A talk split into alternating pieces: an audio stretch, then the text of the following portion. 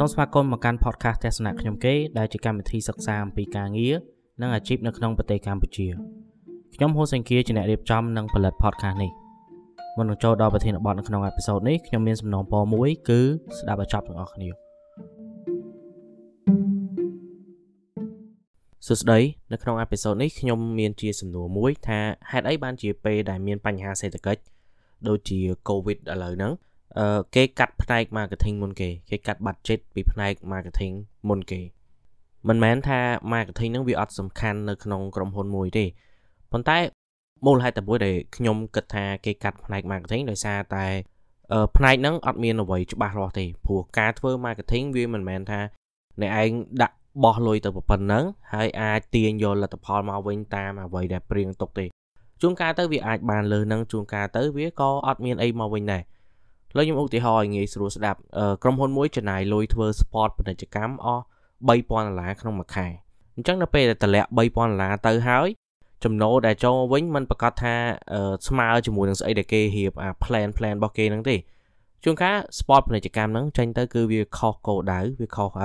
អតិថិជន គេមើលទៅគេអត់ចាប់អារម្មណ៍ឬក៏អាច sport ពាណិជ្ជកម្មខ្លះទៀតចេញទៅមានការរិះគន់ផ្ទុះឡើងធ្វើឲ្យ brand មួយហ្នឹងឬក៏ក្រុមហ៊ុនហ្នឹងចាប់ផ្ដើមជួបរឿងផ្សេងផ្សេងទៀតដែលត្រូវចំណាយលុយទៅដោះស្រាយបន្តទៀតអញ្ចឹង marketing គឺវាអញ្ចឹងវាអត់មានអ្វីមួយដែលច្បាស់លាស់ថាអ្នកឯងធ្វើដឹងតែបានធ្វើដឹងតែបានអត់មានតែហ្មង marketing គឺជាការ testing រហូតគេ test កន្លែងនេះបន្តិច test កន្លែងនោះបន្តិចបើសិនជា test ទៅចំអាហ្នឹងវាកំពុងតែដើរគេធ្វើអាហ្នឹងបន្តទៀតតែបើ test ទៅអាហ្នឹងវាធ្វើឲ្យបរាជ័យឬក៏ខាតកាន់តែច្រើនជាងមុនទៀតគេឈប់វាភ្លាមហ្មង អានេះមូលហេតុនេះហើយដោយសារតែវាអត់មានអីច្បាស់លាស់វារកអា return on investment ហ្នឹងមកវិញអត់ទាន់ពេលគេត្រូវតែកាត់ផ្នែក marketing ចោលសិនព្រោះនៅពេលដែលជួបបញ្ហាសេដ្ឋកិច្ចក្រុមហ៊ុនព្យាយាមធ្វើរឿងទី1មុនគេគឺអឺកុំឲ្យដួលកុំឲ្យ survive គេប្រើពាក្យថា survive អញ្ចឹងបើសិនជាចំណាយណាដែលមិនចាំបាច់ចំណាយណាដែលមិនច្បាស់លាស់គេត្រូវតែដកចេញសិនហើយគេធ្វើអ្វីដែលមិនសូវមានរិះច្រើនព្រោះ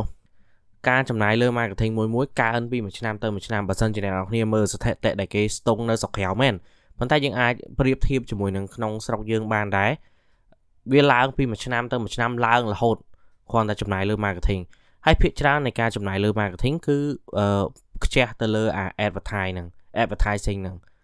អញ្ចឹងវាបើយើងមើលពីអត្តន័យនៃ marketing យើងឃើញថាការចំណាយរបស់ក្រុមហ៊ុនមួយមួយហ្នឹងគឺខុសហើយខុសពី គោលបំណងរបស់ marketing ហើយ marketing គឺការបង្កើត brand មិនមែនជាការ advertise ទេប៉ុន្តែដោយសារតែក្រុមហ៊ុនក៏ចង់បានចំណូលមកវិញភ្លាមភ្លាមឬក៏បានគេឈ្មោះភ្លាមភ្លាមគាត់ខ្ជះលុយទៅលើ advertise ដោយគិតថាការ advertise ហ្នឹងអាចជួយឲ្យក្រុមហ៊ុនគាត់ហ្នឹងរកចំណូលបានរកអតិថិជនបានហើយអាចបង្កើតឈ្មោះខ្លួនឯងជា brand មួយដែល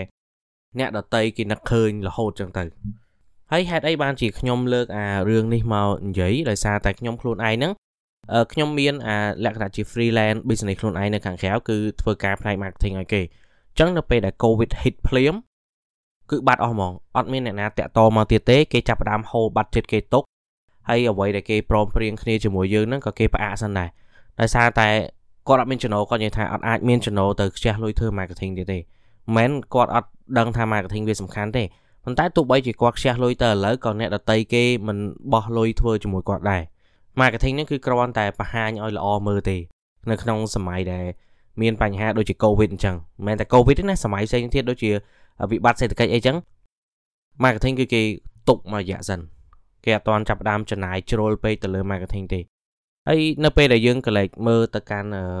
បរទេសវិញទៅកាន់ផ្នែកប្រចាំប្រទេសដូចជាសហរដ្ឋអាមេរិក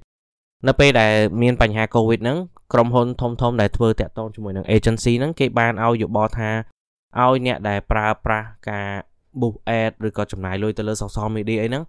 ផ្អាកមករយៈសិនព្រោះអត់មានអ្នកទិញទេអត់មានអ្នកដែលគេអឺចាប់អារម្មណ៍ជាមួយនឹងទេព្រោះគេព្យាយាមខំលុយជាប់នៅក្នុងដៃដូចគ្នាព្រោះយើងអត់ដឹងថាតើ COVID នឹងវាបាត់ទៅវិញនៅពេលណាហើយតើវាអាចមានផលប៉ះពាល់អីបន្តទៅទៀតព្រោះវាមិនមែននៅមួយកន្លែង COVID ហ្នឹងហើយយើងយើងមើលទៅយើងឃើញក្នុងរយៈពេលមួយឆ្នាំហ្នឹង វានៅតែដែរវាអត់ទាន់ងើបឡើងមកវិញដូចពីមុនថាងើបមកគេសម្រុកធ្វើ marketing ទាំងអស់គ្នាអត់មានទេឥ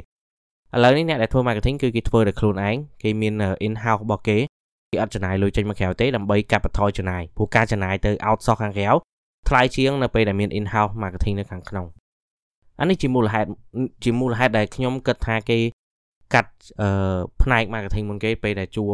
វិបត្តិសេដ្ឋកិច្ចផ្សេងផ្សេងតែវាប្រហែលជាមានរឿងផ្សេងទៀតដែលយើងអត់អាចដឹងហើយ ឬក៏មិនមែនយើងគឺខ្ញុំអត់អាចដឹងទោះបីជាខ្ញុំធ្វើការក្នុងផ្នែក marketing តិចតួចក៏ដោយក៏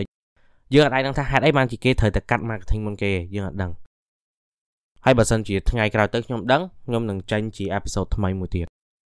អញ្ចឹងខ្ញុំមានតែប៉ុណ្្នឹងទេនៅក្នុងអេពីសូតមួយនេះហើយសម្រាប់អ្នកដែលធ្វើការនៅក្នុងផ្នែក marketing ខ្ញុំគិតថាយើងដឹងច្បាស់ហើយថាមានរឿងអីកើតឡើងនៅពេលដែលជួបវិបត្តិសេដ្ឋកិច្ចហើយតើយើងមានទំនួលខុសត្រូវប៉ុណ្ណានៅពេលហ្នឹង អញ្ចឹងខ្ញុំមានតែប៉ុណ្្នឹងទេនៅក្នុងអេពីសូតមួយនេះជួបគ្នានៅអេពីសូតក្រោយអរគុណសូមអរគុណសម្រាប់ការចំណាយពេលរបស់អ្នកទាំងអស់គ្នាជាមួយនឹងអេពីសូតនេះកុំភ្លេចចុច Subscribe ឬក៏ Follow podcast នេះដើម្បីទទួលបានអេពីសូតថ្មីៗទៀតសម្រាប់ព័ត៌មានបន្ថែមសូមចូលទៅទំព័រ Facebook ទស្សនៈខ្ញុំគេដែលសរសេរជាភាសាខ្មែរជួបគ្នានៅអេពីសូតក្រោយអរគុណ